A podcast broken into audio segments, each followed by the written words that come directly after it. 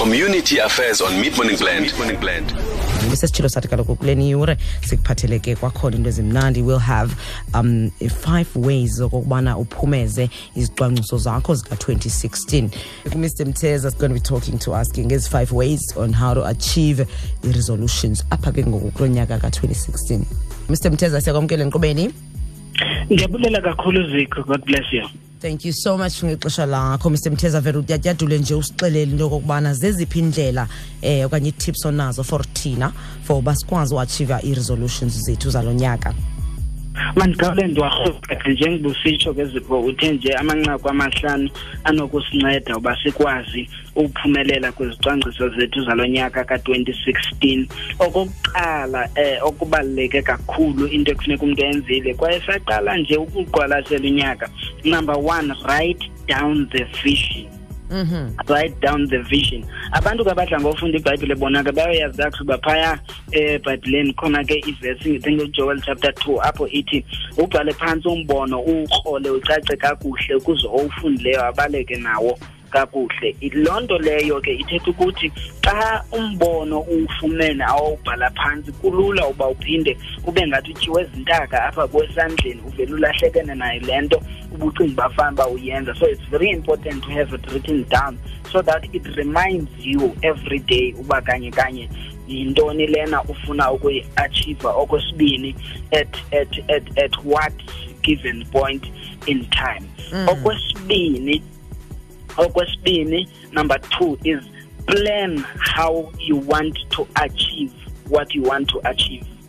yicwangcise yiba nazo izicwangciso ozenzileyo uba ufuna uyiatshiva njani ngoba ungangakwazi uphumelela uba awunayo iplani uthi nje mna ndifuna uba ndibe ndenze ngohlobo iplan ke into yobana ivision soloko sigqi inkulu kakhulu kodwa xa sithiwa ungayityana indlovu ube uqonda uba ngekho uyikwazi realize into yobana ungakwazi xa nje unovumeleka uba ungayigqibi ngemini enye umana mm. uthatha piece by piece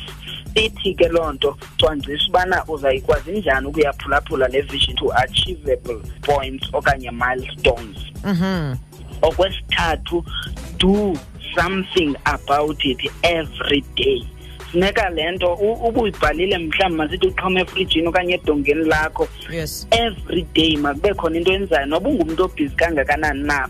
be selfish enough to spare at least an hour on what you have determined to achieve in this particular year mm. that is number three do something about it every day unumber four eh kukuthi eh invest in your vision invest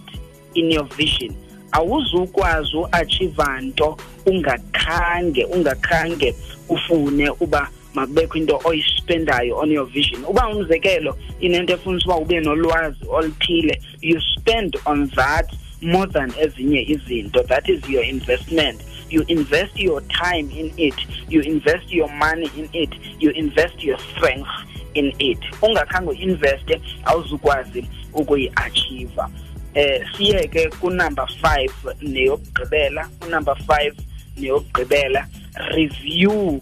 every quarter review what you have done every quarter review kumane ujonge into yobana kumaxa ndindawuni ngoku ndenze ntoni ngoku ngoba xa ungazazi ubana umaxa undawuni kulula uba ucinge fanuba ugabulile kanti awukasondeli kwaphela kule ndawo kumele uba ufika kuyo ndicinga uba zezo zintlanu izinto ezinosinceda into yobana uxa uphela lo nyaka kube kukho izinto esizigqibileyo ukuzenza ebesixanduze uba sizifumane kulo nyaka nkosi kakhulu mr mtheza ngexesha lakho ube nemini emnandi bhuti wam ndiyabulela kakhulu ake god bless you i'll see you at the top Thank you so much. Sifumane ku www.truefm.co.za na ku channel 916 on DSTV. True FM ifumaneka yonke indawo like no one else.